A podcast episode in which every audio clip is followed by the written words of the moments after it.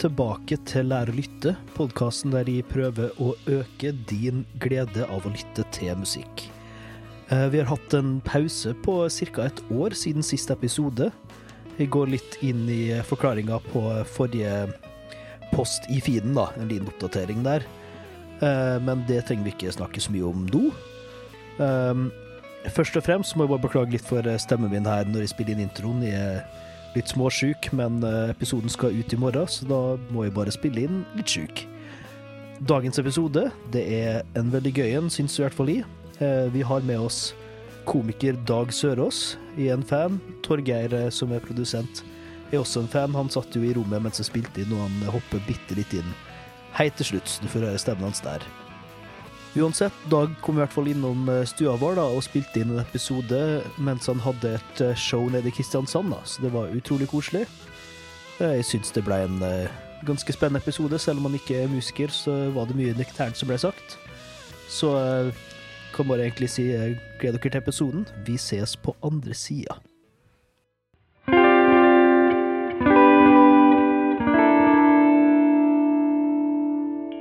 Hei, velkommen til Lær å lytte, min eh, gode podkaststemme. Ja. Eh, Med meg her i dag har jeg da Dag Sørås, Hallais. som ikke er en musiker, men eh, du er jo en humorist. ja. Eller hva, hvordan ville du beskrevet det du gjør? Komiker er vel Komiker. ganske enkelt. Enkelt og greit. Ja. Og hva er det du gjør her i Sørlandet, da? Du er på en sånn testshowrunde. Jeg skal ha premiere på et nytt show neste måned. Så nå prøver jeg liksom å få struktur på ting. Og, Ja. eh, ja, det er fortsatt eh, ganske sånn kaotisk i hodet mitt, men egentlig den gøyeste delen av hele denne prosessen er å prøve å finne ut hvordan ting henger sammen, og hva man må fjerne, og alt det der opplegget. Eh, jeg er ikke sånn fyr som Når jeg først har et ferdig show på premiera, så kan det fortsatt forandre seg underveis. Men jeg må i hvert fall kunne stå inne for det jeg leverer når premieredatoen kommer. Ja. Så det er det jeg driver på å, å styre med nå. Så det er litt kødde rundt, og nå det meste vet jeg jo funker greit, men, eh, men eh, det er liksom å finne hvordan ting henger sammen. Ja. Og da er det nesten blitt et sånt ritual for meg å være på, på i hvert fall på østsida ja. eh, i Kristiansand her. Så um, jævlig fin scene, og det har blitt en sånn eh, Ja, det har, det har blitt en eh, jeg håper å si år, annethvert år, eh, ja. tror jeg. Sånn at Torgeir var også showet ditt uh, på Blue Box, da. Å ja, ok. Sist, uh, det var vel under koronaen, uh, det. Det var ikke det var nedstenging. Ja, stemmer. Ja, Ja. Vi var der i går, så det var jo eh, trivelig. Med litt mer normale Ja, tilstander. litt mer. Selv om når vi, når vi kom ned eh, Ja, vi var oppe og henta tingene våre, så kulene i fem minutter. Men da når vi kom ned, så var alle dratt, og stolene var rydda unna. Så de var jævlig effektive. Så det skal de ha. Ja, det er sikkert studenter som ville ut og drikke Ja, mest sannsynlig. All, all, all respekt. Vil, vil jeg tippe, så det, det er jo veldig gøy, da. Men uh, vi skal ikke snakke om eh, humor så mye nå, nå skal vi snakke om musikk. Mm. Og eh, du snakker jo mye om musikk på podkasten, har jo mye anbefalinger og sånn, så jeg lurer bare litt på hva slags rolle musikk spiller i livet ditt og sånt. Nei, okay. musikk har vel vært viktig for meg helt fra jeg var eh, unge, egentlig. Eh, jeg, jeg tror det er faren min som påvirka meg. Eh, Farsan hadde ei bra vinylsamling, og eh, jeg vet ikke om det var sto så mye musikk på i huset. Det, det vet jeg ikke helt. Og, og min spede eh, liksom, de, de, Det jeg likte i starten, var jo eh, så grusomt som det er menneskelig mulig å få det. Uh, den første CD-en jeg kjøpte, var soundtracket til Teenage Mutant Ninja Turtles. Ja, og så kjøpte jeg en MC Hammer-serie som virkelig Ja. Vanilla Ice likte jeg. Liksom bare det, Ja. det verste du kan forestille deg. Eh, og det første ordentlige som, som du liksom kan stå for, var at jeg husker jeg fikk Bad av Michael Jackson på Mm. kassett. Eh, Ah. Og så gikk det derifra til eh, til Guns N' Roses, og det var liksom den første sånn fan, sånn skikkelig fanboyjakt. Mm. Jeg husker da de spilte i Oslo, så det var helt uaktuelt for meg å komme meg dit på konserten. Så da, da overnatta jeg en kompis i skauen og bare deppa. Vi fikk ta, ja. Jeg husker ikke om vi hadde med oss noe konjakk som vi hadde stjålet hos morsan, men vi satt i hvert fall i skauen og, og, og tenkte at vi burde vært andre steder enn det her. Ja. Uh, og så gikk det derifra til Metallica, og videre derifra til hardere musikk. Og jeg føler at jeg kasta bort ganske stor del av uh, ungdomsårene på å kun høre på metal. Men det er kanskje en normal greie. Du Det, blir veldig sånn det har jeg også gjort. Ja, og nå har jeg mastergrad i klassisk gitar, så det Ja, ok, ja, det ser du. Så, Det så det er jævlig mye bra, bare sånn rockemusikk og ting som jeg ikke fikk med. Turboneg og sånt, det gikk meg hus forbi. Ja. Eh, fordi jeg hørte på, liksom, på hardere ting. Men, uh, men mitt sånn klareste minne av melodi, var at jeg husker jeg fikk låne platespilleren til farsan, og uh, hvordan en Beatles-skive denne Mr. Postman-låta er på, uh, var liksom det første det er første gang jeg kan huske at jeg hørte melodi. og Første gang jeg ble bevisst på at jeg hadde lyst til å høre noe på nytt igjen. Ja. Eh, at det var et eller annet som festa. Kanskje første gangen jeg fikk musikk, så festa seg i hodet. Ja, så da gikk melodien litt på repeat Ja. eh, i huet, da. Ja, så, eh, Og siden da så har jeg vel vært eh, Jeg kan jo ingenting om musikk, men jeg har jo vært eh, blodfan av diverse band opp igjennom, og abonnert på musikkblad og blåste mine Det, det lille jeg hadde av penger, blåste jeg på CD-er. Eh, og har jo varme minner av det der. Det å gå og høre på plate, det blir jo sånne ting som er absurd for folk nå. Men Ja, at du gikk og spurte om å få høre på ei skive på forhånd. Eh, det var en, noe som heter Ekko platebar i Norge, var liksom, nei, i Narvik, der jeg vokste opp. Og av og til så fikk jeg høre på promoer før de kom ut. Jeg husker Great Southern eh, Trendkill med Pantera, og få høre den før den liksom var offisielt sluppet. Dette var jo før Ja. ting lekte ut på nettet og sånn. Det var en jævlig stor eh, følelse. Det har vært litt eh, fett, ja. Ja, ja. Eh, da- ja, da fikk du den, og det her er noe eksklusivt som, de, som få andre har har hatt gleden av å høre ennå. Og så, sånn har den egentlig bare gått. Og den dag i dag så er jeg jo sånn hver eh, onsdag eller torsdag så går jeg inn på ei side som heter Album of the Year, for å se hva som kommer ut. Um, og den er ganske sånn kommers mainstream, men uh, Og så har jeg selvfølgelig diverse sånn metal-sider som jeg følger med på for å se hva som kommer ut i den sjangeren. Og så er det jo ikke alt man klarer å henge med på, men heldigvis har jeg noen, noe venner som, er, som har koll på, på, uh, på andre sjangre, som liksom kan holde meg oppdatert på det som kommer. Og så, ja, så er det, så er det jo et tidsproblem også. Eh, Podkaster og lydbøker og sånne ting har jo, har jo sikkert kutta musikkonsumet mitt eh, i halvt. Men, eh, men det er nå engang sånn det er. Eh, men, eh, men ja, jeg vil jo tro jeg er over gjennomsnittet opptatt av musikk, og kunne virkelig ikke sett for meg noe, noe liv uten. Så hva tror du det, det gir det, da? Altså, er det kun tekster du sitter og hører på, eller er det energien kanskje som Å nei, det kan være absolutt alt. Alt, ja. eh, jeg føler liksom at det kan eh, forsterke hvordan en eh, sinnstilstand du er i. Ja, men det er Eh, forsterkning og ikke, ikke endring du er ute etter, da. Ja, det kan gjøre meg trist blir å ta hardt i, men melankolsk. Jeg har nok vært siden jeg var tenåring eh, litt sånn eh, glad i å eh, Ja, melankolsk er vel det beste ordet. Deprimert blir å ta altfor hardt i. Det har jeg aldri vært, heldigvis. Men, men eh, litt nedfor. Jeg syns det kan være en god følelse.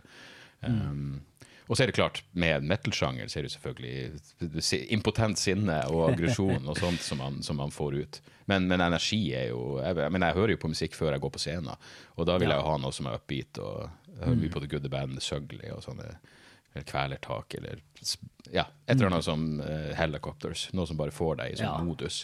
Får det der tenåringstestosteronet Ja, til å boble det, igjen, da. det er det som trengs. Så, mm. så ja, nei, kanskje, jeg var vel kanskje ganske sånn ensretta følelsesmessig da jeg var i tenårene, og så etter hvert så innser du at det er ganske mye det er ganske mye bra der ute. Og til dags dato så er det vel egentlig bare jazz må være den eneste sjangeren som jeg aldri har gjort et forsøk på å sette meg inn i. Ja.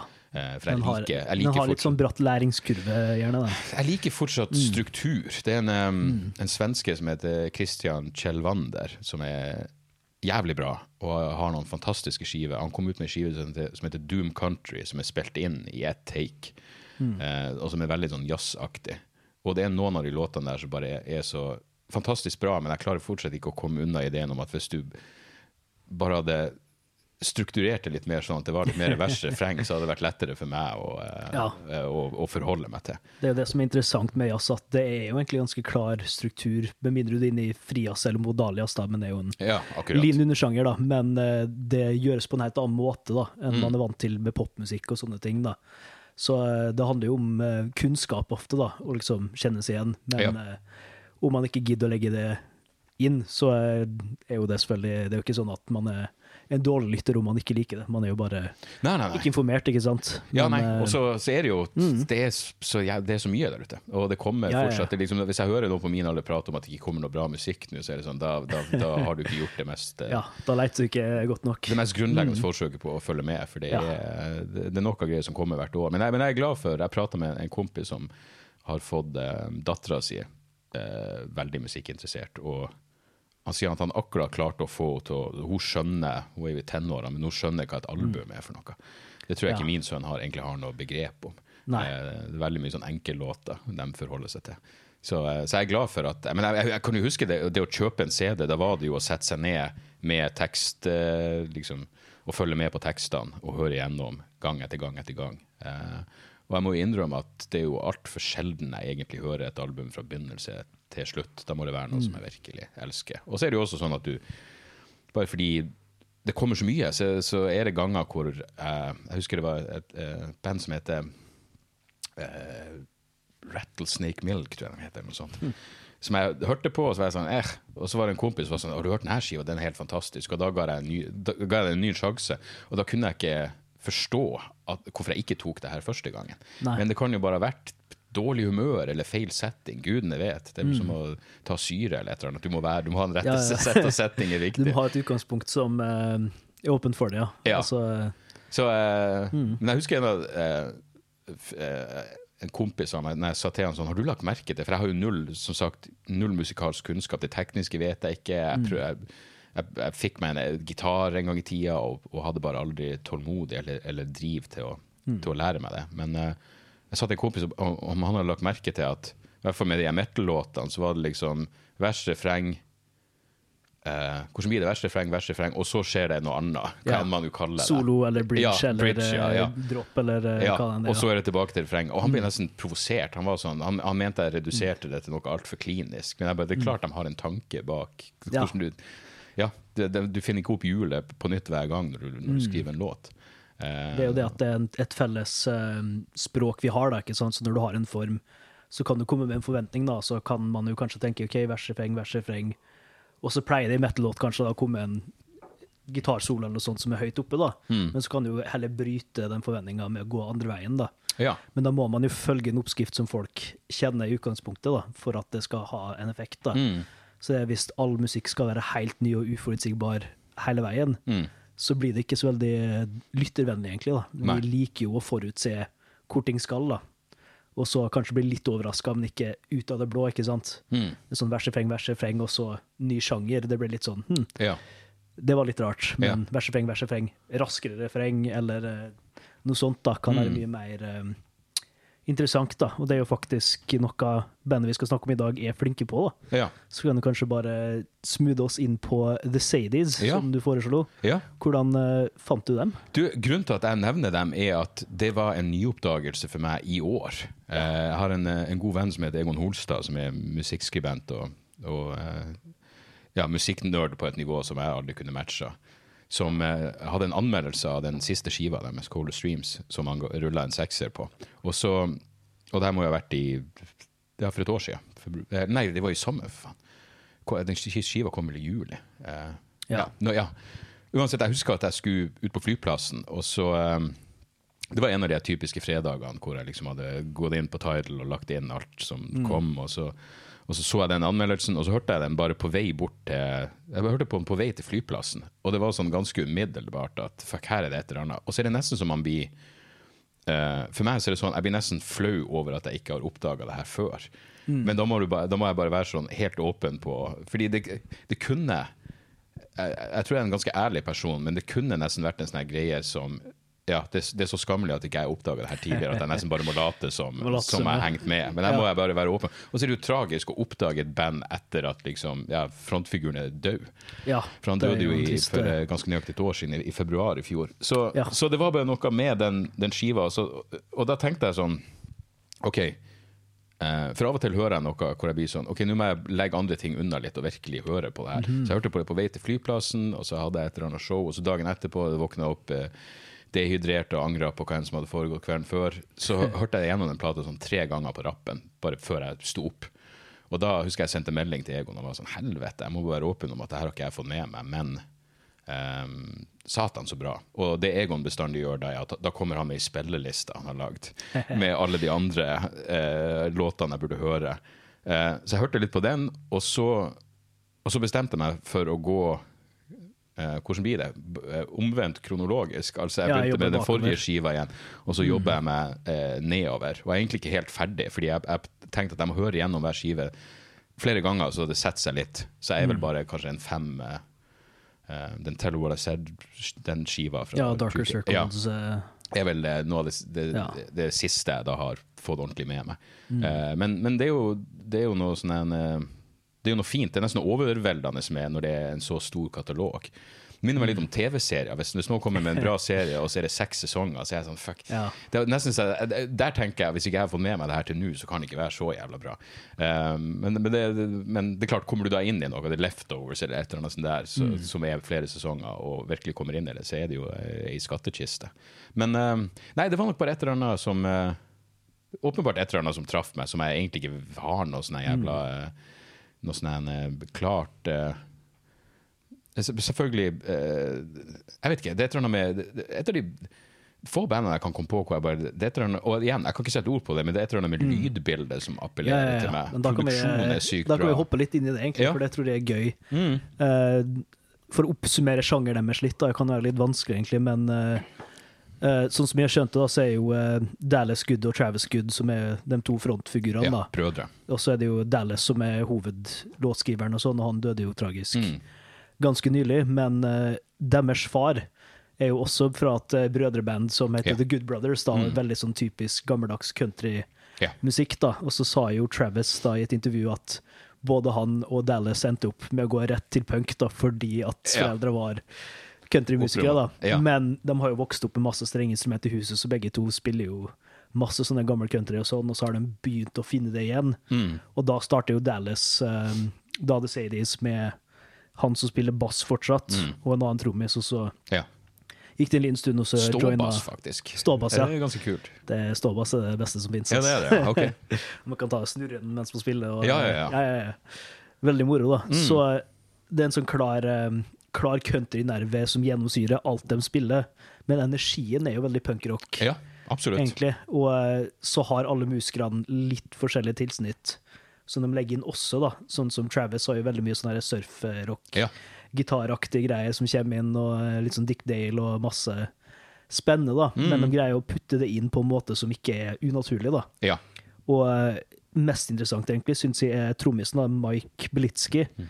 Eh, jeg kan ikke si det sikkert, men jeg vil tippe at han har spilt mye jazz. Mm. For det er måten han følger bandet på, spesielt når eh, en av brødrene synger, da, og så kanskje tar ting litt ned eller eh, endrer en linje på en eller annen måte, så følger tromma det veldig, veldig tett. da. Endrer tempoet litt, kanskje, eller bytter opp mønstre og sånne Mm. ting. da.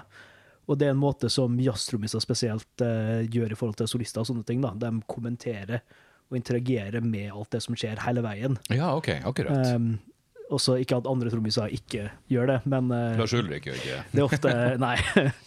Det er ofte en bare klar, uh, rett fram-greie, da, ikke sant, Mm. som skal holde driven, da, selvfølgelig. Men her er liksom litt mer flytende.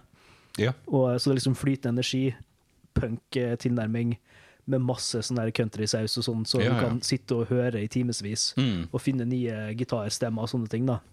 For de er jo fire stykk, men det høres ut som det er tre-fire gitarer ja, samtidig absolutt. ofte. Mm. Som jeg tror det også er, da, for det høres litt annerledes ut live.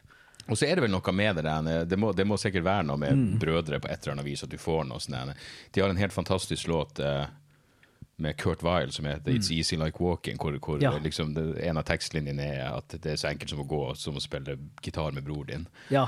Som, er, som bare er en perfekt poplåt. Uh, så uh, ja, nei, det er interessant å høre. Det er jo sånne ting som jeg ikke vil Mm. jeg, jeg, jeg må bare si det, jeg føler nesten at det er en sånn uh, Det er oppriktig noe som man, jeg, jeg skjønner man verdsetter ting på en annen måte hvis man gjør en liten innsats på For det er en ting å bare høre på noe, men hvis jeg da leser om bandet, ser noe intervju, hører det du sier om trommisen, jeg kommer til å høre det på en annen måte neste gang. Det er vel det som er nerding, men det er også det som eh, jeg, er jeg, Mm. jeg, var, jeg var på whiskysmaking, Ja, og da? Mm. tenkte jeg sånn at det var Ja, det gjør noe med deg. Du får et, et annet eh, inntrykk av ting og verdsetter det på en Mm. annen måte. Og da er det jo fortsatt helt fair å bare like Jack Daniels og egentlig bare gi faen og Mm. kose seg med det, men hvis du vil ha noe Ja, jeg, jeg jeg er veldig stor tilhenger av å gå litt dypere når det er ting jeg virkelig, virkelig liker. Så det, Mm. Det er jo litt av poenget med podkasten. Mm. Å prøve å finne og grave hva det er som gjør at folk liker musikken de liker. da. Så derfor uh, går vi inn i det. Og jeg må jo si altså etter at jeg har heller ikke hørt om The Sadies før, selv om de er kanadiske og jeg er jo halvt kanadisk sjøl. Mm. Og at der så har jo ikke noe forhold til dem. Har ikke hørt om dem. Spurte pappa for noen dager siden, og han hadde ikke hørt om dem heller. da. Nei, jeg tror ikke de er så kjent. Jeg fikk faen meg, Det er jo da du får Fordi det triste blir jo når noen har gått bort. Jeg husker Ja, for å dra tilbake til metal igjen, og da Dimebag ble skutt i. Mm. Ja, da var det sånn Fuck, at jeg aldri jeg kuka meg til å se dem live, for det har jeg hørt Mm. var ganske vilt.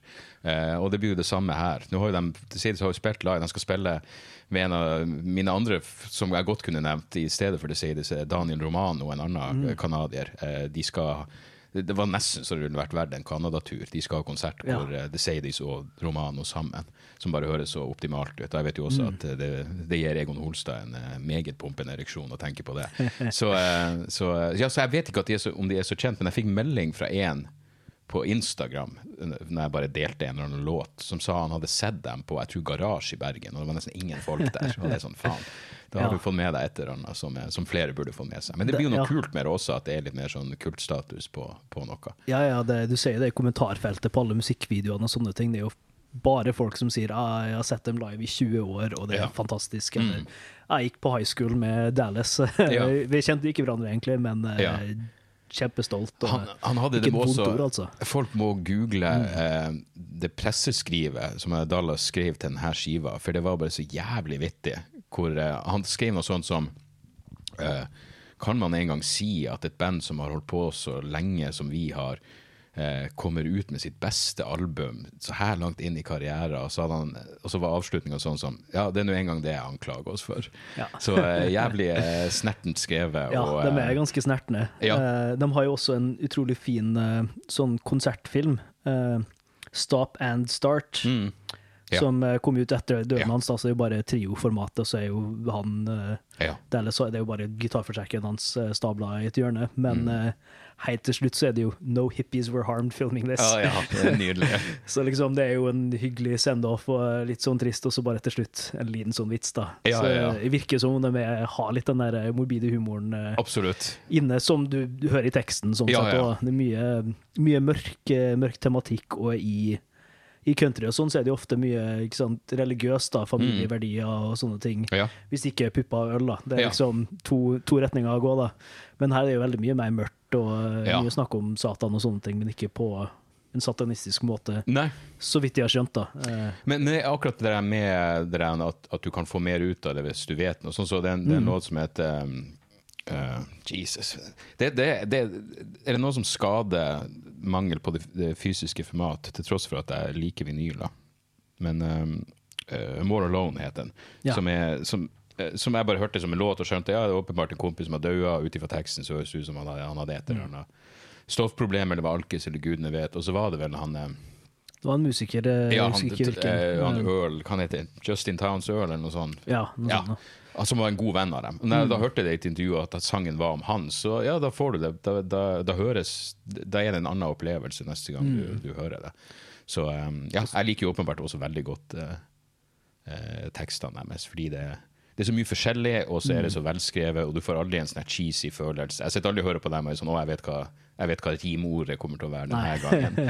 Så uh... Det, det er veldig introspektivt, Mm. eh, føler jeg, da. At det ikke Det handler liksom ikke om samfunn og store analyser à la Bob Dylan eller noe sånt. Det er veldig uh, hva de føler, da. Mm. Uh, og det er jo, alle i bandet skriver jo litt tekster og sånn, da. mm, Det virker som det er mest Dallas, men uh, det er veldig sånn introspektivt Mm. og sånn, føler jeg. Og de Ja. sitter litt med sånne ubehagelige, ubehagelige følelser og sånne ting av og til, da, men greier å få det fram på en poetisk vet- måte og dvele litt ved det. da. De har en låt som heter The Good Years, som åpenbart mm. handler om et, eh, et ræva ekteskap. Hvor det bare er noen sånn linjer. Jeg har ikke hørt på den på veien hit. Jeg tror en av linjene er sånn eh, uh, uh, åh, Hvordan i faen er det? Uh, He never listened, she never said. He haunted her before he was dead. Og da tenkte jeg sånn, fuck. Og da kan du liksom tenke på Ja, jeg har noe ja, det, det, det, er mange dårlige ekteskap der ute, og det har garantert vært mange jævlige typer opp gjennom tidene. Men når du hører den, så er det sånn Det er liksom skrevet på en sånn måte eh, hvor det ikke Ja, det er bare Jeg vet da faen igjen, melanko, melankolske ordet. Det er liksom ikke en sånn en, eh, Du kunne skrevet den, en, den låten i en sint-versjon om en jævlig fyr, og så er det bare så Det er liksom sett fra begge sine perspektiv, nesten. Ja, på en det er sånn- bare ja. trist at det Ja. er sånn. Mm. Det, det er veldig sånn anerkjennelse av verden sånn som den er, da. At det, Ja. Det er godt, og det er vondt, og vi må jo heller anerkjenne det, komme fram til det, og så ligge på det. For så vidt det er jo kanskje litt det standup eh, også handler om, da. Det er jo Ja. å si det som ikke alle tør å si, da, men å finne fram til uh, en måte vi kan snakke om det som et samfunn. da. Mm. Det, du da i tilfelle blir jo personen som må sitte og si det, da, mens Ja, alle andre får uh, gleden av å høre på. da. Ja, det er mange ganger man, uh, man er misunner band. Uh, og for det, det er noe med det der når eh, Ja, eh, særlig hvis Jeg gjør ikke så mye firmajobber, men av og til så kan det være eh, at du skal ha et humorinnslag på en eller annen firmagreie bare fordi det er godt betalt, og så skal et band spille etterpå. Og hvis de er dritings eller uinteressert eller ikke liker det du holder på med, så er det Eh, ja, det, det- det slår litt hardere enn vil jeg tro hvis du bare var i et band, for da kan du bare kjøre på og pløye på med greiene dine. Ja. Uh, kontra, nå, ja, kontra der å måtte stå og ja, Bare det at det er andre i, i lag med tror jeg, tror jeg hjelper. Det, det er kun kleint eh, med musikk når du stopper å spille, og det ikke er Ja, applaus. ikke ja sant? nettopp, nettopp. Og da er det bare å kjøre eh, på. Standup uten latter blir fort litt, Ja, det gjør det. litt rart. På den andre sida er det jo Jeg kjenner jo Mm. jeg har flere kompiser som spiller i band, og eh, fordelen min er jo at jeg trenger kun å bli enig med meg sjøl om hva jeg skal gjøre fremover. Ja. Så det er jo absolutt eh, en fordel. Så Og når du skal på turné også, så trenger du ikke ha et ekstra sete til ståbassen. Og, Nei, og det må være bare det, du slipper det stresset med faen, skal han bli far nå? Da Ja. fucker det opp turneen, og hva kommer til å skje nå? Og bare det å være Jeg har tenkt på det et par ganger sånn eh, For jeg har jo en, eh, en manager som jeg har et veldig godt forhold til. Og så har jeg plutselig tenkt sånn Hva hvis han bare plutselig funnet ut at han skal gjøre noe annet? Det hadde vært jævlig stressende for meg. Eh, men det vil jo ordne seg på et eller annet vis. Men hvis jeg var avhengig, eh, liksom på, en måte, på samme måte som band er, at, og det er at du skal holde at du skal holde stemninga og sånne ting. Det er ganske Jeg fikk jo en liten smak. Jeg gjorde en eh, Jeg var med i Kvelertak og Søgli. Det er sikkert derfor jeg hører på den backstage, fordi det Ja. tilbake gode minner. Hvor jeg gjorde standup, da. Først Søgli, og så gjorde jeg standup, og så spilte Kvelertak. Som høres absurd ut fortsatt når jeg tenker Ja, tilbake det- på det. Men liksom, å se hvor, hvordan det er å faktisk bo oppå noen på en Mm. sånn buss. Og det her var jo eh, fire-fem uker, men, uh, så det var jo bare en smaksprøve for meg. Men ekstremt interessant å se hvordan en turné fungerer, hvor jævlig hardt alle de uh, Hva kan man kalle det? Road, ja. Jeg mener, alle de som bare setter Mm. opp tingene. og fuckings, ja, Deres arbeidsdag begynte atskillig tidligere enn vår arbeidsdag, og så holder de selvfølgelig på når man er ferdig også, og, Ja, og rigger ned alt, igjen. eh. Så eh, respekt for alt liksom i, og, og for en eh, med Kveldtak som er så proff for en jævla velsmurt maskin det er, men hvor, hvor mange deler det er, hvor mye det er som foregår. Så Mm. da kan man selvfølgelig bare spekulere på sånn stø når Metallica er på turné. Gudene vet. Jeg så, jeg så en sånn Ja. YouTube-video om det, bare hvor mange lastebiler Ja, hvor, mye folk, ja, hvor mye folk som er involvert, og, og hvor tight det tidsskjemaet er. Så. Det er mange involverte, så det det gjør det veldig mye lettere for meg som bare trenger en mikrofon og et ståbord. Mm. That's it. Ja, det er jo veldig, veldig lett. Men Mm. uh, sannheten er jo på en måte det som blir litt til felles, da. Mm. Og eh, det er jo en sånn, eh, et ordtak da, om country som er Det er three chords and the truth. Mm. Så jeg føler jeg ringer litt sant i The Sadies, da. At, eh, men det er litt mer komplekst enn det, fordi at eh, de spiller ikke alltid bare tre akkorder. Men de spiller ikke tusen akkorder heller. Mm. Det er liksom, Du har tre som en base, kanskje fire, og så kommer det inn én ekstra her og der for å gjøre et poeng. da. Mm. Så de, er- det høres ut som en gruppe med folk da, som har ganske mye eh, musikkteoretisk eh, og bare referansemessig Ja. overskudd. da. Men de, eh, de trekker liksom kun på det når det gir mening. da. Mm. Det er aldri et poeng eh, for å flekse noe særlig. da. Kanskje bortsett fra Ja, nei, det er sjelden det føles som en sånn flinkis-greie. Men du har, du har slutten og starten på ganske mange av albumene. Eh, sånn som Mm. nyeste skiva og Darker Circles, for eksempel. Da, så har de jo en sånn jam der de går gjennom hele albumet Ja. på to minutter. Mm. ikke sant?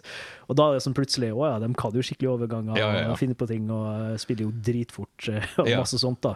Og jeg gikk tilbake og hørte på første albumet bare for å ha litt referanse fra hvor de kom fra. da. Mm. Uh, det er jo bare sånn rask surfrock. eh, Ja, Veldig annerledes. ja. Veldig gøy, da. For så Ja. Jeg digger jo bluegrass og sånn, så jeg hører på mye, mye sånn gitarrunk på den Mm. måten, da. Men eh, Ja, så er det noe med særlig der å synge gitar. Det er akkurat så, det, er, det, ja, det, de blir liksom sånn band som du, du hører at det er dem. Ja. Ganske fort. Eh, til og med med de, gamle, de eldre albumene, eh, som jeg ikke har hørt så mye på enda Men Mm. eh, ja, nei, det, det er noe eh, Ja, jeg vet da faen. Det, det er jo, med alle gode skiver så er det jo det er jo noe som må dra deg inn. Ja. Eh, så Jeg elsker det jo fra første øyeblikk, men den har virkelig Selv av den Call of Streams det var liksom så, jeg, jeg pleier nå å være sånn Hva var det beste albumet i, i, hvert år? Og med den så var det så åpenbart, men også at jeg ikke er i nærheten av i nærheten av lei av den etter å ha hørt den ekstremt Mm. mange ganger.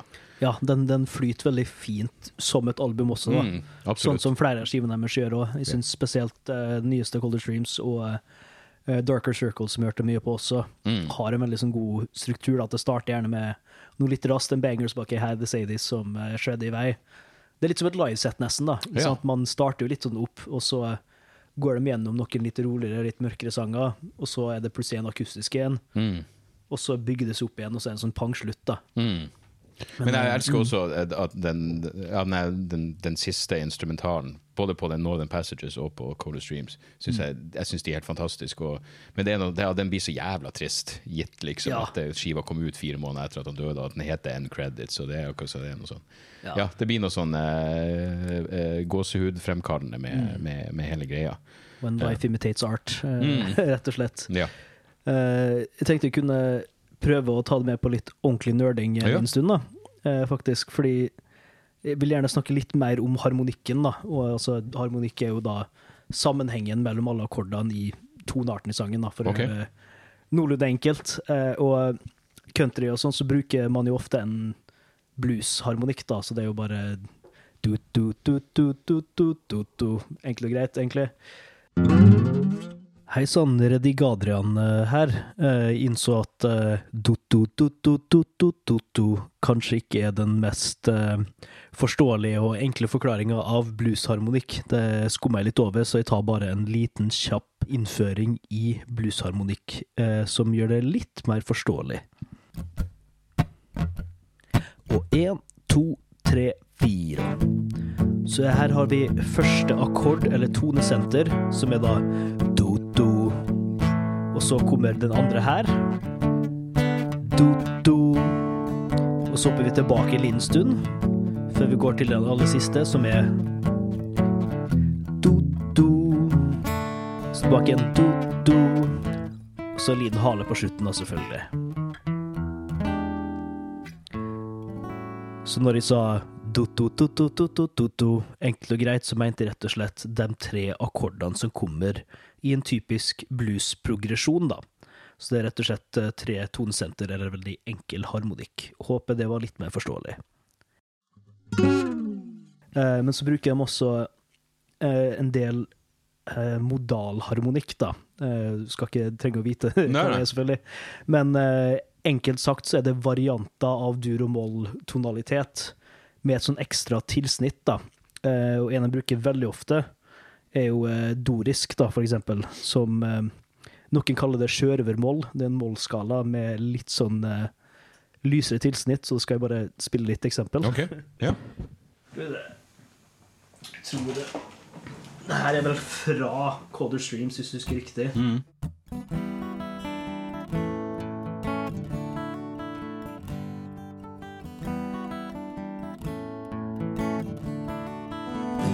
Ligger vel Mm, absolutt. Ja.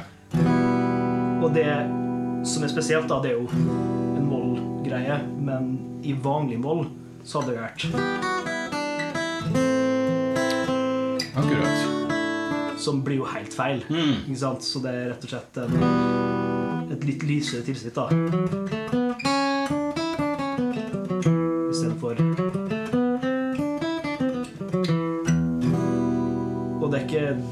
Uhørt at det fins sånt i country. Altså. Det fins jo overalt i uh, diverse folkemusikk og sånn.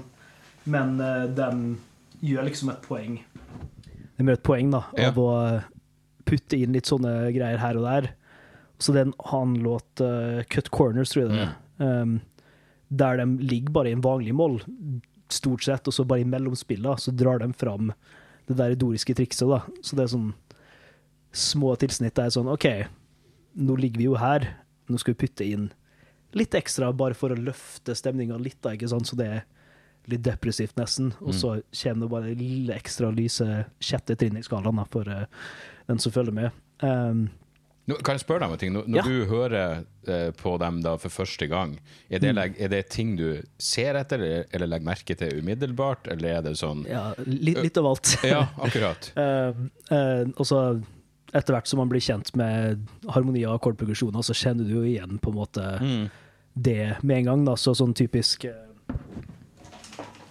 Jeg skal se Mats Hansen eller noe sånt. Da veit vi hvilken akkord som kommer neste. Ja, akkurat. Og da veit jeg at det ikke kommer til å være noe annerledes resten av sangen. Nei. Mest sannsynlig, da. Ja. Eh, men eh, det er veldig ganske vanlig da på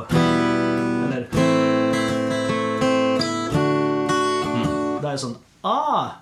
Når de går over til den, men så veit de jo hva som skjer videre. ja.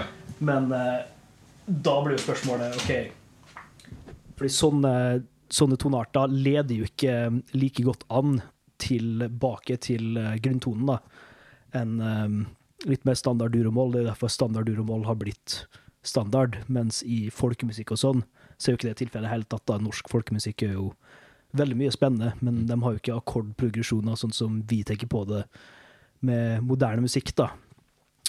Så eh, jeg analyserer jo ofte litt sånn passivt, nesten. da. Jeg sitter jo ikke og tenker ja, det er 1, 6, 4, 5. Ja, se, det er interessant, fordi jeg, jeg tenkte bare for å bringe det til humor igjen, så er det jo sånn, jeg har jo noen komikerkollegaer som er sånn, ja, de har ikke lyst til å se andre komikere fordi de er redd for at noen av vitsene deres skal smitte over, eller alle de her tingene. Jeg er veldig glad for at jeg er god til å slå av alle sånne Altså Hvis jeg ser en komiker som jeg liker, så, så, så da er jeg bare i øyeblikket som enhver annen publikummer. Men hvis det er noen jeg ikke liker, enten bare Ah. på den personlige plan, eller at jeg syns de er dårlige eller hacky, eller hva enn det da får jeg de der eh, Ja. analytiske greiene. Jeg ser hvor det her er på vei, og det der var en Ja. enkel løsning, det minner om noen andre vitser. Mm. Eh, mens heldigvis, når, når, når noen er bra, så klarer jeg liksom å bare gi meg over til å bare Mm. kose meg i øyeblikket. Og det er jeg jævlig glad for, fordi jeg har ikke lyst til å miste den Mm. gleden. Eh, Men eh, kan det hende at eh, hvis du hører noe du virkelig liker, at du får lyst til å finne ut av hvordan de kom dit, da? Ja, eh, men det er nesten så jeg blir redd Mm. for å For jeg vet noen som er veldig sånn, og da er det nesten som en Det er klart, det er jo ikke så mange triks, egentlig. Nei. Men det er jo en måte å gjøre det på. og Du har jo det misdirect, og få folk til å tro at du er på vei Mm. en vei til annen. Du har den tre-regelen, og hvor du sier to ting som er forutsigbart, og den tredje overrasker. Så det er jo ikke til å komme utenom at man gjør de triksene. Jeg har også sett komikere hvor jeg tenker um, det, det her er for klinisk, nesten. Det, det for Ja. det, Jeg skal ikke kaste noen under bussen med noen navn, og, men, men det er noen jeg ser hvor det bare er sånn Det, er nesten, det blir flinkest. For meg så blir det sånn på grensa Mm. til Jeg liker jo progressiv musikk, men av og til kan det bli for mye runking. Og da får jeg Ja. sånn, det, det, er som en, det, det er som en uh, algoritme har skrevet det her på et eller annet vis. Du Ja. Mm. bare gjør alt som er 100% rett, og så blir resultatet bare litt sånn kaldt og overfladisk. Selv om det er objektivt sett er veldig bra Mm. strukturert, og poenget er godt, og alt det der.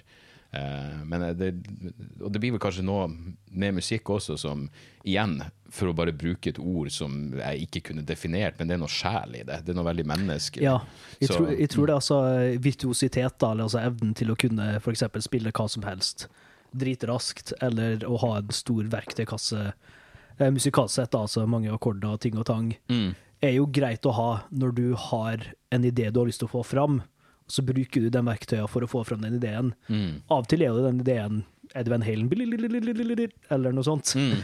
men av og til er det jo bare three, three chords and the truth, da. Ja. Og eh, det er jo vanskeligere for musikere, tror jeg, som har ganske mye overskudd, til å bare stoppe opp.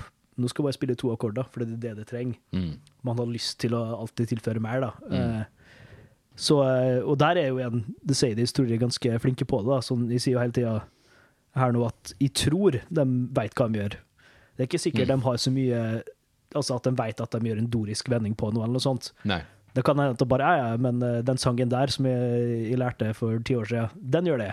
Mm. Da skal vi også gjøre det, men i en ny toneart eller noe sånt. da. Yeah. At man eh, Altså, man har jo gjerne en lyd i huet som er tatt fra en annen sang eller noe annet, da. Men om de tenker ok, vi skal gå og gjøre den greia, eller om de tenker ja, vi skal gjøre sånn som i den sangen, da.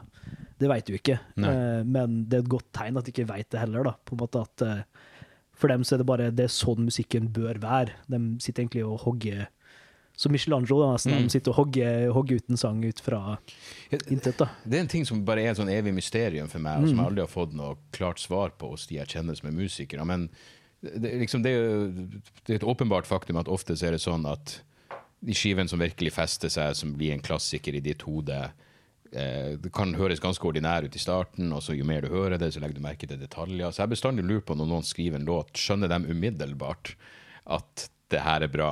Hører de det sånn som jeg hører det etter ti gjennomhøringer med en gang?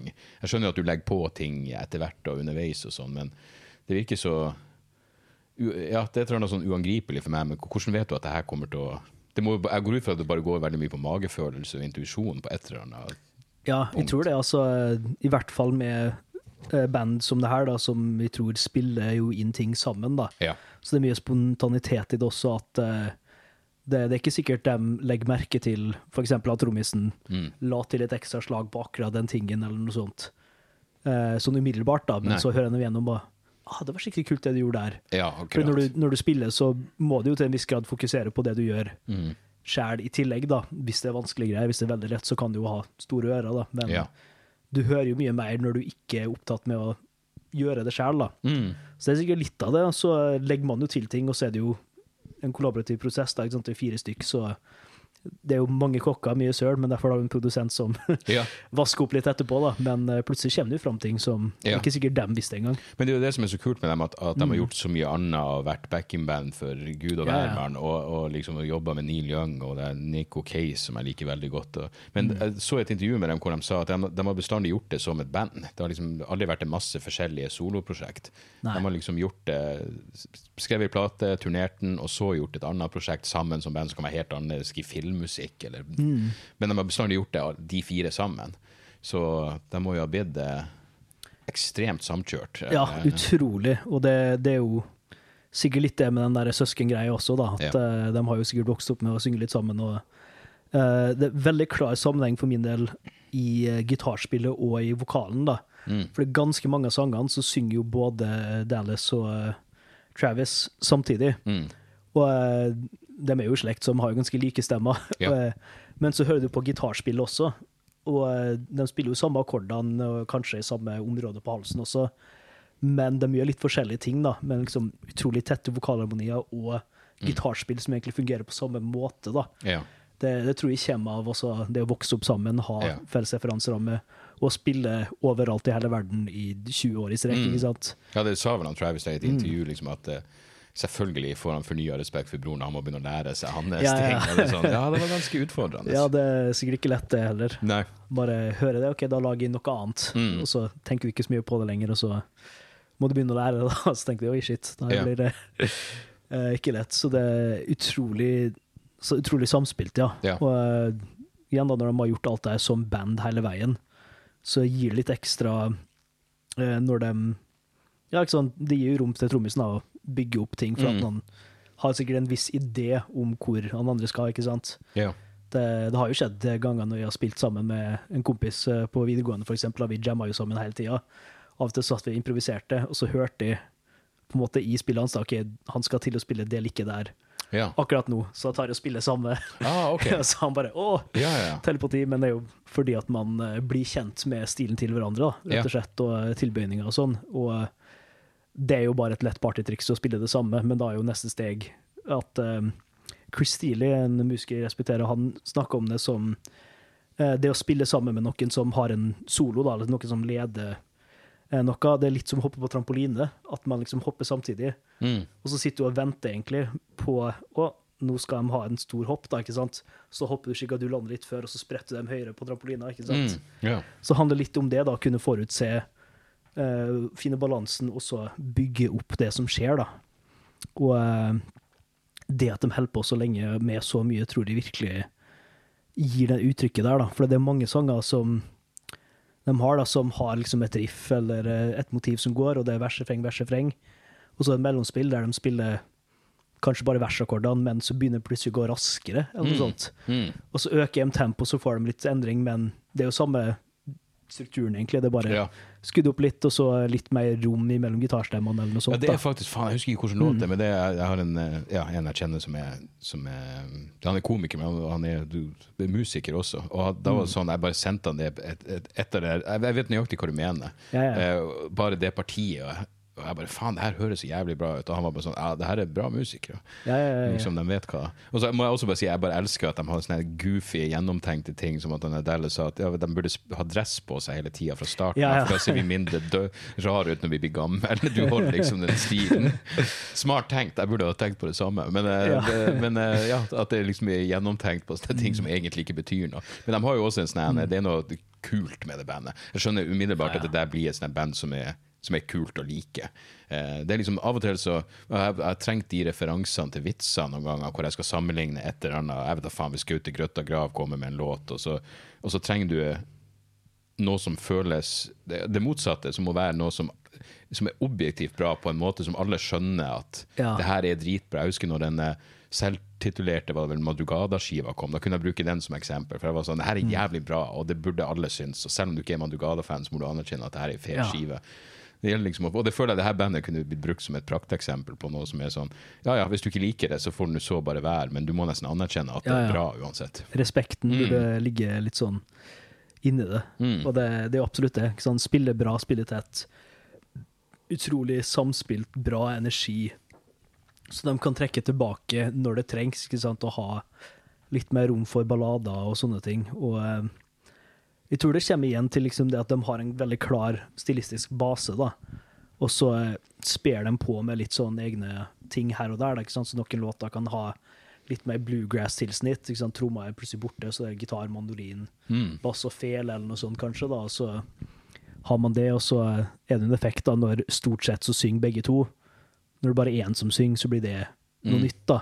Ja. Og så plutselig blir det surfrock, neste greie, da, og sånne ting. da, At de eh, greier å samarbeide og få fram alt der for å skape variasjon i et sett, da, eller liksom få et album til å flyte på en måte.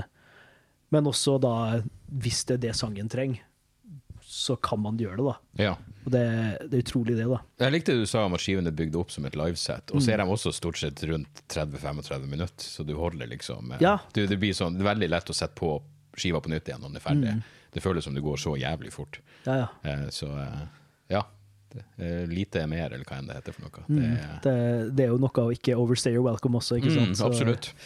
Det er noe jeg burde lære på scenen. I går sto jeg 1 time og 45 minutter. Det var en halvtime for mye.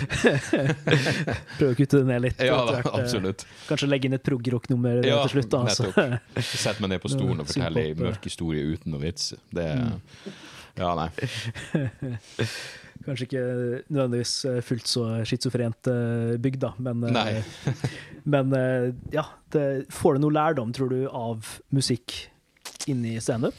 Ah, det er et godt spørsmål. En, uh, nei, jeg, jeg får bare mer inspirasjon. Altså, jeg, jeg, jeg, jeg tror jeg er jævlig glad i folk som er Jeg har veldig respekt for folk som er flinke til noe. Folk som bruker tida på å, å beherske faen nesten hva som helst. Jeg tror nok hvis jeg skulle leve livet på nytt igjen, så tror jeg godt at jeg kunne blitt interessert i mat også. Liksom At en god Ja. kokk og sånne ting. Så jeg, jeg, jeg blir mer inspirert av folk som er flinke, folk som uh, gjør sin egen greie, og som eh, Ja, og med The Sadies, liksom, som er et liveband, som er sånn uh, Ja, vi trenger ikke å være de mest populære i verden. Vi har en fanbase som vi forhåpentligvis kan bygge, som forhåpentligvis kan, alltid kan utvide seg, men liksom at de først og fremst er et liveband, og det var det som var greia, og det er i det kjipe bilene og kjøre rundt. og eh, Jeg husker at de sa i det var vel et av intervjuene at når de skulle ha Kurt Weil med som support, så var det sånn Ja, kan han være i, i, med, i bilen deres? Og så var det sånn Fuck, det var da veldig han, eh, Og så fant de jo tonen sin i helvete. Ja, ja, Kort tid etterpå så var de support for han fordi det gikk så bra. Men det tror jeg noe med. Så jeg, jeg får nok mer eh, ja, jeg får nok mer eh, inspirasjon. Og så er det liksom, ja, det, det er gøy å se hvordan Det er nok noe i det der klisjeen om at eh, ja, enhver komiker er, skulle ønske de var musiker. Jeg tror nok det er sant. Ja.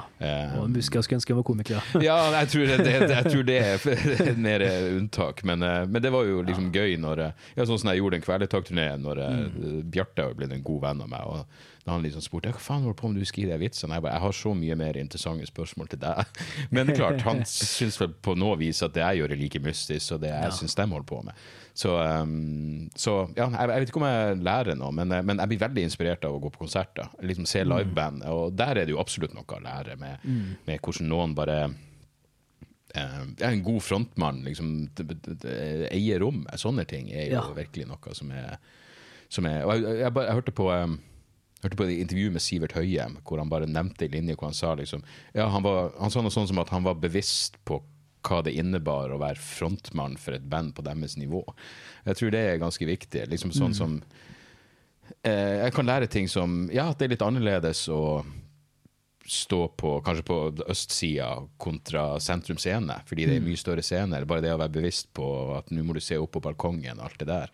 Sånne ting kan jeg nok eh, Der er det nok absolutt noe å, eh, å lære. Og så er det jo og så lærer jeg også bare hvor, hvor jævlig bra humor er selv i en musikksetting. Um, jeg var veldig stor fan av de to første skivene til fader John Misty. Og så han på John D på første skiva når han var helt ukjent. Nå selger han vel ut Jeg tror han har to kvelder på Sentrum Scene. Selv om han er blitt en ja, Jeg syns ikke det han gjør er like interessant lenger, men det var jævlig morsomt. Altså, han, han, har, han har en naturlig sånn komisk teft eh, og kødda masse mellom låtene. Og det gjorde, det gjorde bare det hele til en jævlig mye mer sånn givende konsertopplevelse. Veldig, det er sikkert de samme vits på samme måte som det jeg holder på med. Det, du, du sier jo stort sett det samme hver kveld, du bytter ut litt og skifter rekkefølge, men han, han, var liksom, han fikk det til å føles som det her foregår i øyeblikket. Uh, og ting skjer i øyeblikket. Og, uh, så så livekonserter prøver jeg å komme meg på så ofte jeg kan. Bare fordi jeg, jeg kan få lyst til å prøve å bli en bedre komiker av å se en bra konsert. Ja, absolutt. Mm. Det, du sier noe der. Altså det, det å gå og gjøre nøyaktig det samme hver kveld eh, blir jo litt rart. Eh, Det eneste unntaket der er jo kanskje jazz, da, for der er det jo såpass mye improvisasjon at eh, Ja.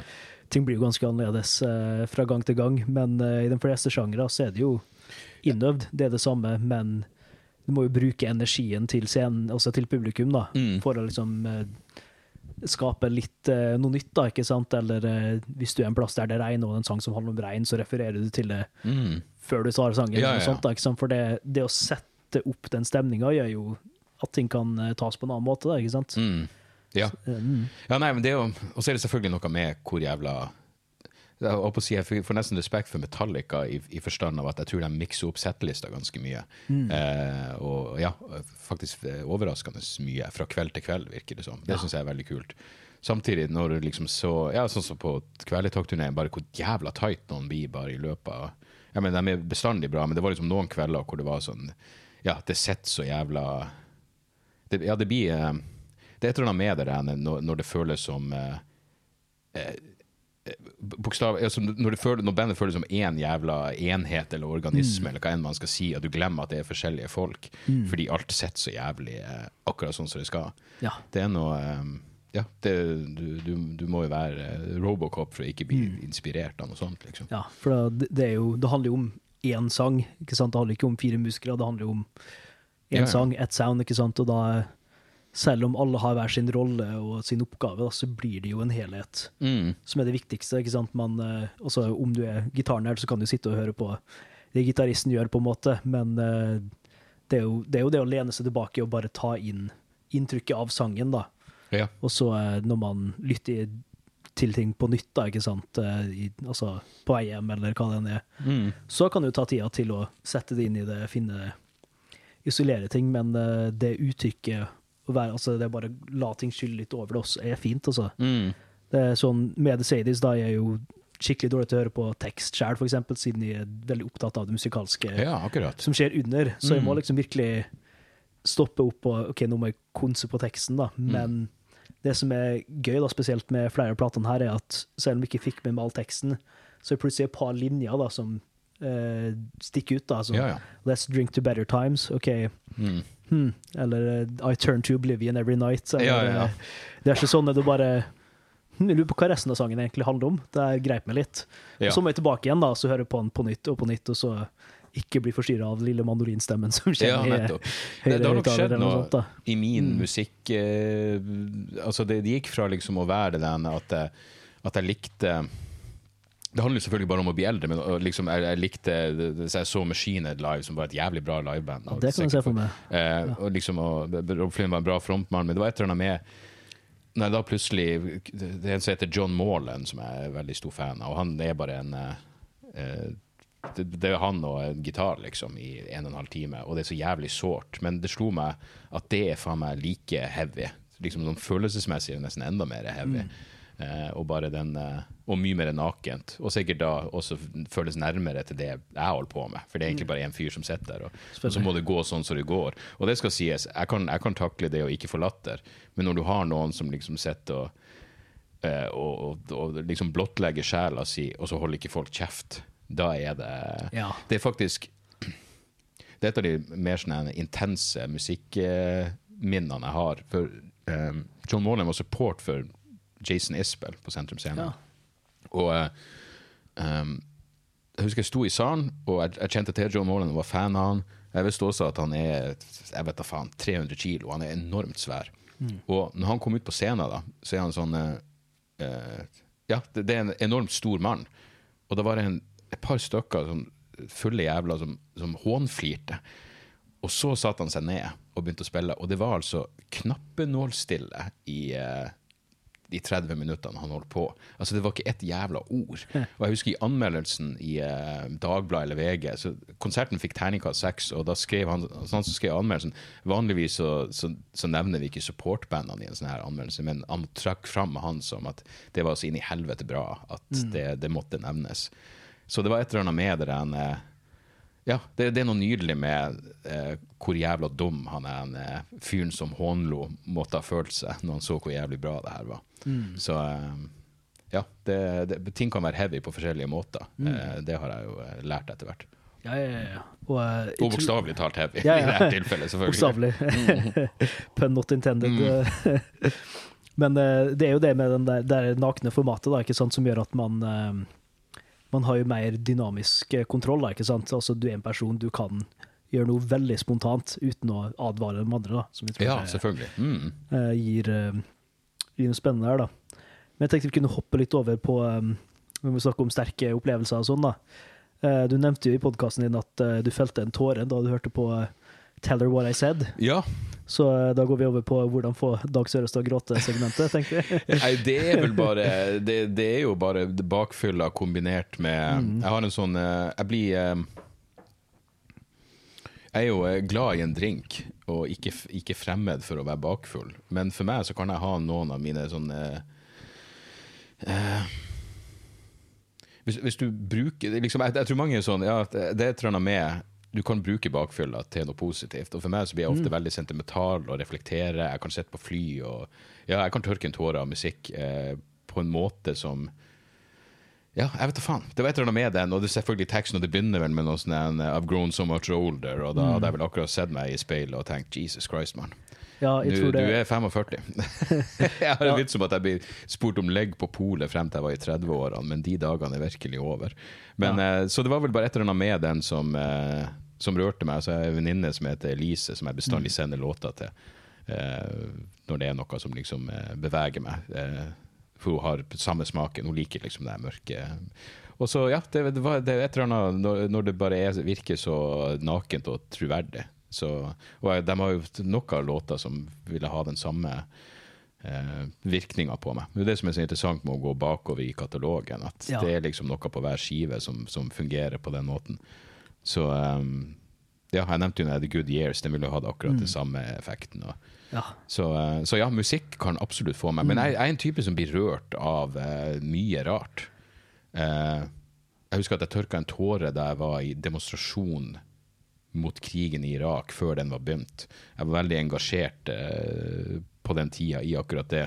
Og bo, var student i Trondheim, og så kom det så sinnssykt mye folk. Det var mange, om ikke titusenvis, men det var, det var mange tusen mennesker. Og da ble jeg rørt av det. Eh, jeg kan bli rørt av som jeg sa, folk som er flinke til noe. Eh, jeg kan bli rørt av um, ja, jeg vet ikke. eh, Rare ting. Det var, jeg hørte på podkasten til Trygdekontoret, hvor han intervjua en, en gutt på 21 som heter Sander, som driver og, utdanner seg til å bli ambulansesjåfør, og så får han ikke lærlingeplass. Han har dratt til Ukraina flere ganger og kjørt rundt der og ofra livet sitt for å hjelpe. Sånne ting kan uh, gjøre at jeg blir rørt. Uh, til tross for alle mine tilsynelatende sånne misantropiske eh, overbevisninger, så, så er det noe med eh, mennesker på sitt beste. Det er vel som eh, George Carlin sier 'Scratch any cynic and you find a disappointed idealist'. En av mine favorittsitat. Jeg Ja. mener virkelig. Mm. Det tror jeg er 100 sant. Ja, det er ikke sant at Jeg har i hvert fall anekdotiske bevis på at det er helt sant. det, er, ikke sant? Det, er, det er jo ikke at man er trist, men man er skuffa, på en måte. Mm. Man har et håp, man har en, et, et ønske, da, en visjon om, eh, om ting, men eh, så er jo verden sånn som den er, da. Og da er det jo I look so much older. Ja, Det eneste som, som jeg hang meg opp i med George Carlin, var han sa på et eller annet tidspunkt Og det kan jo være at når jeg når den alderen, så sier jeg på samme måte, men han var sånn Jeg meldte meg ut av det her. Jeg meldte meg ut av menneskeheten, nå er jeg en ren observatør. Og så tenkte jeg ja, det er greit å si, men ikke når du har en unge. Ikke når du har formert deg. Han hadde Ja. ei datter. Jeg kunne aldri, jeg føler liksom at det at jeg har en sønn, gjør at jeg kan ikke, eh, i hvert fall så langt, påberope meg den luksusen. Ikke det at jeg gjør noe, men å bare ta det standpunktet at nå eh, det er en eh, person som har inspirert meg mye, som heter Noam Chomsky. Han blir bestandig spurt hva er det håp, han er sånn eh, Håp er irrelevant. Du må gjøre hva enn du kan gjøre, og håpe at det får gode resultat. Eh, ellers kan du la være å gjøre noe og være sikker på at ting går til helvete. Ja. Det er ikke et direkte sitat, men det er essensen av det han mente. Man er jo litt mer komfortabel hvis det går til helvete, men du prøvde i hvert fall. Da. Ja da, absolutt. Så ja. Og nå snakker vi jo herlig abstrakt, men det er fortsatt noe i det. Ja, ja, absolutt. Det, det, det egentlig ville å bryte ned hvordan sangen får deg til å grine. Ja. ja Eh, nei, jeg vet da faen. Det, I det øyeblikket ser du jo tekst, tekst og, og stemning, og, og så blir du noe trist med at fyren er død. Mm. Um, så det er nok uh, Det jeg tror uh, Kan du påpeke noen uh, tekniske på Mm, måte, ting ja. også, da. At den går jo i eh, seks-åtte takter, så den bruker mye. Så én, to, tre, fire, fem, seks, én. I stedet for den typiske én, to, tre, fire, én, to-greia som country ofte har. da. Ok, Eh, ja. Litt sånn trainbeat og sånn. Men uh, måten de spiller den der seks-åtte-takta på, da, er ikke fullt så flytende som det pleier å være. Ofte er det jo sånn én, og så to, og så én, og så Men der er det én, to, tre, fire, fem, seks. En, to, tre, fire, fem, seks. Det skaper litt sånn haltende, nesten drivende, ja. subbende stemning, da. Haltende ikke kan jeg, ja, det kan jeg kjenne meg igjen i. og så plutselig åpner det seg opp på alle mellomspillene, eksempel. Da, da spiller han plutselig fritt, åpent eh, 6-8, som gir liksom rom til å tenke på den litt mer dystre, tunge teksten. Mm. Sant? Så selve gruven er like tung som teksten, da, som Ja. jeg tror er en sånn eh, forsterkning som vi snakker om. da. Eh, så det gir liksom litt luft og litt trøkk samtidig, da, der det trengs. Og um, harmonikken også, det er jo uh, ikke three chords and the truth, det er jo fire, stort sett. Uh, men det er ikke en loop med fire akkorder. De varierer, bytter litt mellom partier og sånne ting. da. Ja. Så uh, de skaper akkurat nok variasjon, og så er jo mye luft i teksten. ikke sant? Mm. Så da får du litt sånn snadder ekstra i bakgrunnen som underbygger alt det der, da. Og så er jo melodikken simpel. Mm. Det er et leie som er lett å synge. Det er veldig sånn Det føles ut som hvem som helst kunne gjort det, men hvis du prøver, så er det sikkert umulig å faktisk naile det. Ja, ja. Uh, og så kanskje siste poenget som jeg tror er spennende, er jo det vi snakka om helt på toppen, egentlig. Altså strukturen, oppbygginga. Det er jo vers, refreng, vers, refreng, med noe mellomspill slengt inn, da, og så kommer det du skulle trodd var bridgen, med liksom en heftig gitarsolo. Mm. Og så bare forsvinner hele bandet, så det er bare en gitar og en mandolinsolo, da, Mm. som er utrolig eh, eh, fin. Jeg har halvveis lært mandolinsoloen, skal ikke sitte og Ja, ja, ok. Ja. plukke meg gjennom den eh, noe jeg kan kanskje adde den i post eh, Ja, ja, senere, men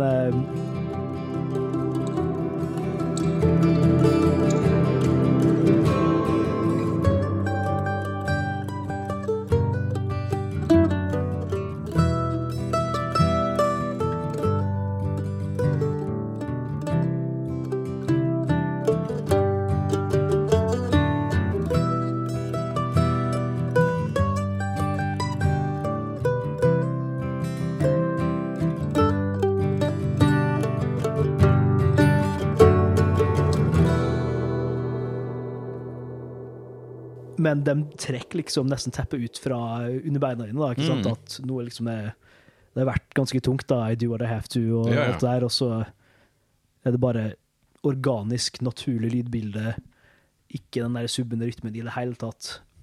Og så kommer den der eh, halen, da. We all thought we'd be someone, og alt det der. Mm. Til slutt, da, som kicker jo ekstra hardt når du først har tatt ting ned Mm. og så kommer opp igjen, da. Så jeg tror det er en sånn Det er virkelig the sum of its parts, den låta, da. At, eh, også i tillegg Ja. med sinnsstemninga man er i når man hører på den, da. Ja, det det var Av og til så sier noen stiller noen deg et spørsmål hvor du tenker sånn Faen, jeg skulle ønske du ikke hadde spurt om det. Nå er det noe om det, men jeg, jeg tror den, den låten fikk meg til å tenke på Jeg gjorde hva det var, en, jeg tror en podkast som heter Krisemøter, hvor det liksom var snakk om hva man hadde gjort. Og så sier bare han eh, Kyrre, som driver podkasten, så tror du det beste er forbi. Og da var jeg sånn Fuck. Mest sannsynlig. Eh, jeg håper jo jeg kan få, finne på noe sprell enda, men ja, det er gjort mye gøy, og, og oddsen for at sånne muligheter dukker opp igjen, eh, er jo marginal. Og kanskje, jeg lurer på om denne låten på et eller annet paradoksalt vis fikk meg til å, til å tenke på det spørsmålet. Ja. Og da, hvis du legger på bakfylla til det, så blir du litt våt på øynene. bakfylla og en god seks-åtte-takt og alt det der. Men jeg må bare si også, Ja. Mm. bare for å nevne det der med eh, å like folk som For det, det kom jeg på nå, at jeg liker å se sånne Jeg har som sagt null peil for trommiser, f.eks. Ja. Jeg elsker å se sånne reaksjonsvideoer hvor du har noen form for spesi- trommeekspert. Som ser på metal-trommiser. Mm. Ja. Og, og så, eh, liksom ser på jeg vet da faen, Frost i Satyricon eller et eller annet. Bare ser hvor genuint imponert de blir over det som foregår. Mm. Og jeg lurer på om det spiller inn i en sånn eh, jeg mener, Da jeg vokste opp, så var det jo eh, det at jeg hørte på metal. ikke sant, Det klassiske med uh, det bråk. De fleste Ja. vennene mine og sånn, det her er bråk. Jeg husker jeg tok med Fair Factory i sånn time hvor vi fikk spille musikken vi likte. Mm. Og alle var sånn, hva faen er det her? Og jeg lurer på om de der videoene spiller inn i noe sånn en, eh, eh, at jeg prøvde å si til dem ja, men dere må, det her er dritbra, det her er flinke musikere. Ja. Mm. Si hva du vil, men fuckings du hadde ikke fått til det her. Nei, ikke sant. Og det er ikke sikkert at hva en slags jævla popfanskap du hører på. Jeg tviler på at Mm. de kunne klart det her. Så det er akkurat så du får bekrefta de antagelsene når du ser noen som er Mm. God i en helt annen sjanger, anerkjenner at fuck, det her er flinke folk. Du får eh, den intu intuitive måte, opplevelsen du har, og det kommer litt fram da, når noen greier å bryte det ned. Ja, og det var også en sånn Mm. eh, en, en, en, komponist som hadde en sånn eh, reaksjonsvideo til en Opeth-låt Ja. som gikk igjennom alt fra å være det vakreste til nærmest black metal. Ja. Og han var, Det er så gøy når du ser noen som bare er sånn genuint imponert over det de ser, og sikkert tenker sånn Fuck, det, hvorfor har ikke jeg fått med meg det her? Mm. ja, ikke sant. Så ja. Det, det er jo faktisk sånne tilsnitt i eh, Spesielt når man tenker på The Series eh, og albumoppbygninger. da. Eh, ikke? Det er jo litt som et livesett, men også litt som en slags uh, symfoni eller kanskje variasjonsverk eller noe sånt. da, At det er en kurve over lengre tid som man tenker på. Det er det som er kanskje mest fascinerende med klassisk musikk. Mm. For min del kontra popmusikk og sånn, da, at uh, tidsskjemaet man jobber med, er så mye lenger. da. ja. Ikke sant? Eh, Minst fem minutter, gjerne et kvarter, 20-30 minutter Mm. på ett stykke, eh, som har kanskje flere deler, men det har en helhet, og fra start til slutt så er det et poeng at den slutter sånn og starter sånn. da. ja, ja. Og eh, jeg får litt den følelsen av The Series, f.eks. for eksempel med måten de da har en introduksjon og en avslutning som oppsummerer alt. da. Ja da. som, det gjør man jo i starten av en opera, for eksempel. Ah, okay. Og eh, hvis du ser gamle Hollywood-filmer og sånne ting også, så har du jo dritlang credits-scene før filmen starter. Mm. Men da spiller de gjerne alle filmtemaene som kommer i løpet av filmen seinere også, Ja. da. Eh, som oppsummering, da, så har de jo det samme på slutten.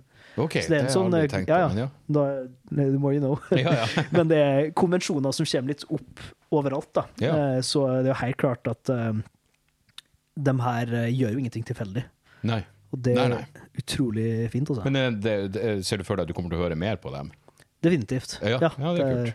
Så takk for tipset. Ja, du, Eh, det skulle bare mangle. Så alltid gøy å få flere eh, kanadiske musikere inn i eh, ørene, da, Ja. eh, som er fint.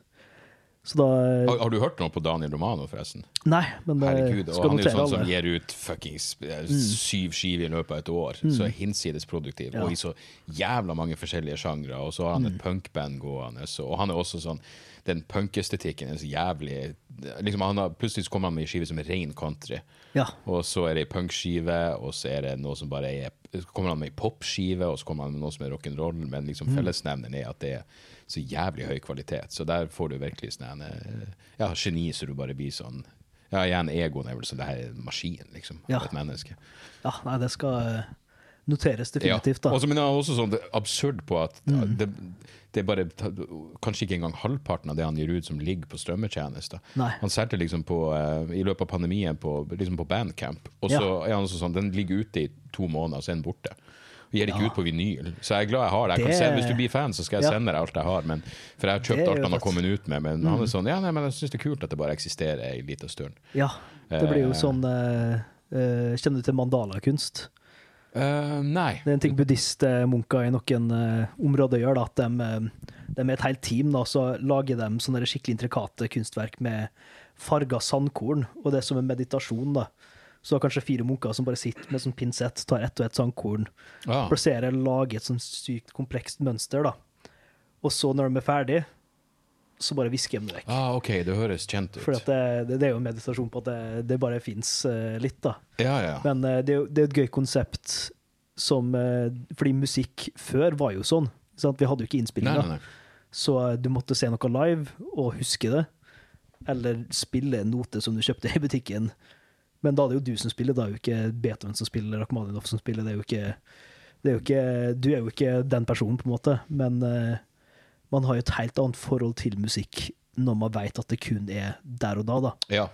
Så Ja, men det blir jo sånn når. Mm. når, jeg skal ut på turné og noen mm. sender melding ja, Når skal det filmes, når kommer det på YouTube? Mm. Jeg er sånn, eh, det, på et eller annet tidspunkt, men fuck, kom nå og se det live. Det er jo det det Ja. handler om. Så det blir liksom det der, I øyeblikket er ting Mm. alltid best, og særlig humor, og, og musikk også, selvfølgelig. Å se det live. Men det er også noe med å ha det for, det er Derfor har jeg lyst til å filme showene, for da har jeg i hvert fall et eller annet digitalt håndgripelig. Mm. Men det er bare en representasjon. Ikke ja sant? da, Det er absolutt. ikke- Men det er, det er i hvert fall sånn Ja. Da kan jeg si til sønnen min jeg, jeg gjorde et eller annet i løpet av de årene jeg for og kuka rundt Ja. og var mye borte. det kom noen bra kukvitser Ja, ja, ut av det. Og det, det er jo det viktigste, det. Ja da. Om ikke annet. Men da eh, tenker vi kan begynne å runde av. Nå må vi Ja. sikkert begynne å springe til østsida. Mm. Eh, er det noe du har lyst til å si på slutten, bare om Sadies eller musikk generelt? Nei, jeg vet ikke, Det er bare et eller annet med når du, når du finner noe i voksen alder som du vet kommer til å være med deg resten av livet, så er det bare en sånn eh, jeg jeg får bare en sånn takknemlighet for at eh, Det høres jo vilt egentlig ut å si, men jeg får oppriktig en sånn Jeg er glad for at de her folkene eksisterer, og har eksistert. Eh, samtidig så er det en sånn linje i den ene den ene savnlåta om han kompisen som døde, så det, det ene, de tenker på det som eh, kunne ha vært og det som aldri kommer til å bli. Og det får du sånn nei, fuck. Dårlig gjort å daue når han er 48 år og garantert hadde så jævla mye mer eh, å komme med. Men eh, så er det jo eh, fint å se at de ser ut til å komme til å fortsette også. Så, eh, så får vi se hva de finner på med Daniel Romano. Det blir nok eh, høyst eh, hørverdig uansett. Ja. Så jeg har liksom funnet meg et nytt band som Ja, når, når Egon driver Som sagt, han har jo Han har tipsa meg om mye bra som jeg ikke ville funnet på egen hånd. Når han sier sånn det er verdens beste band, så blir jeg sånn Ja, jeg tror jeg sier meg enig med dem. Ja. Om det er en fin, fin måte å avslutte det på. Ja, Da går vi over til eh, det aller siste segmentet, Ja. som er Dagens akkord. Okay. Jeg har et sånn soundbite å putte inn eh, etterpå, da. Ja. Men uh, du må rett og slett bare gi meg et eller annet som vi skal lage en akkord av. Det kan være et eller annet relatert til samtalen, eller uh, noe helt abstrakt. Så får vi se hva vi finner på. Uh, ett et ord, liksom. Eh, et ord, en følelse, en frase, en farge. Eh, og det her må dere ta på riktig måte. Positivt overraska.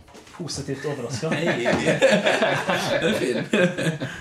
Eh, det føler mest burde være en akkordprogresjon, men eh, det er jo ekstra spennende med én. Mm. Jeg kan jo ta en akkord jeg er litt usikker på kommer til å fungere. Det, det er jo gøy, da. Uh. ok.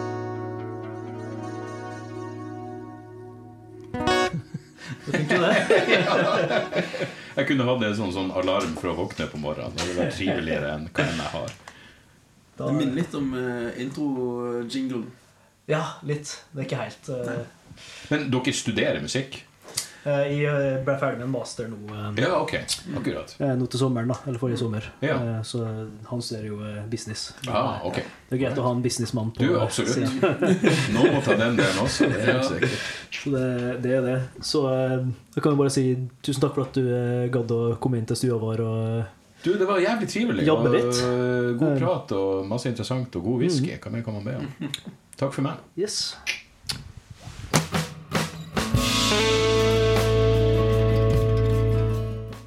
Hei igjen. Det var denne episoden. Tusen takk til Dag for en hyggelig prat. Og jeg tenkte bare da å oppsummere litt med noen lytteanbefalinger, selvfølgelig.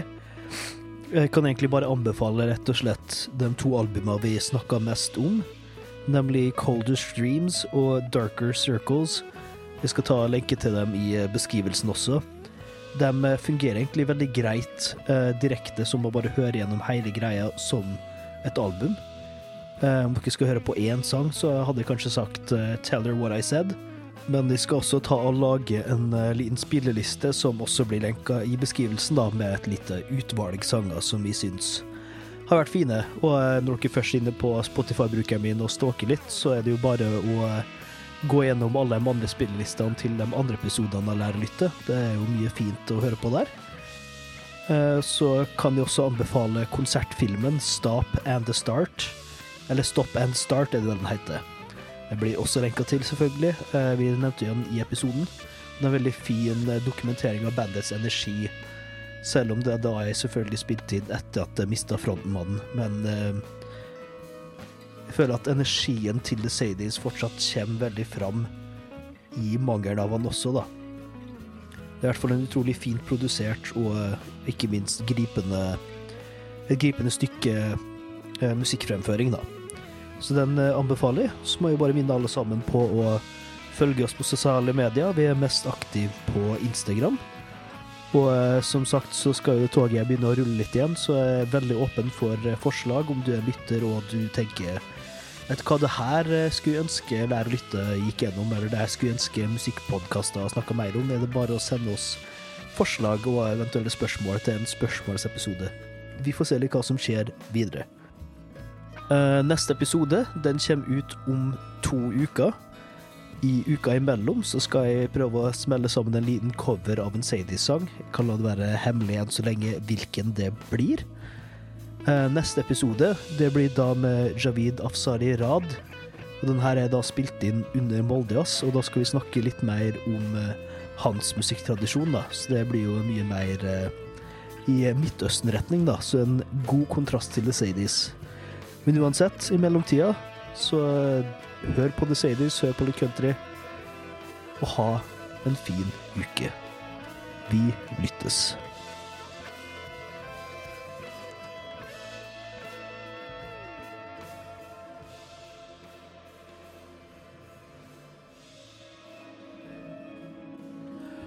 Og sist, men ikke minst, om Dag Sørås kommer innom eh, din eh, by på turneen hans, så bør du virkelig ta turen innom. Det var et hysterisk show i Kristiansand, og jeg antar at det bare blir bedre i løpet av turneen. Så eh, sjekk ut humoren hans eh, på YouTube, og i hvert fall eh, om han kommer og spiller din by.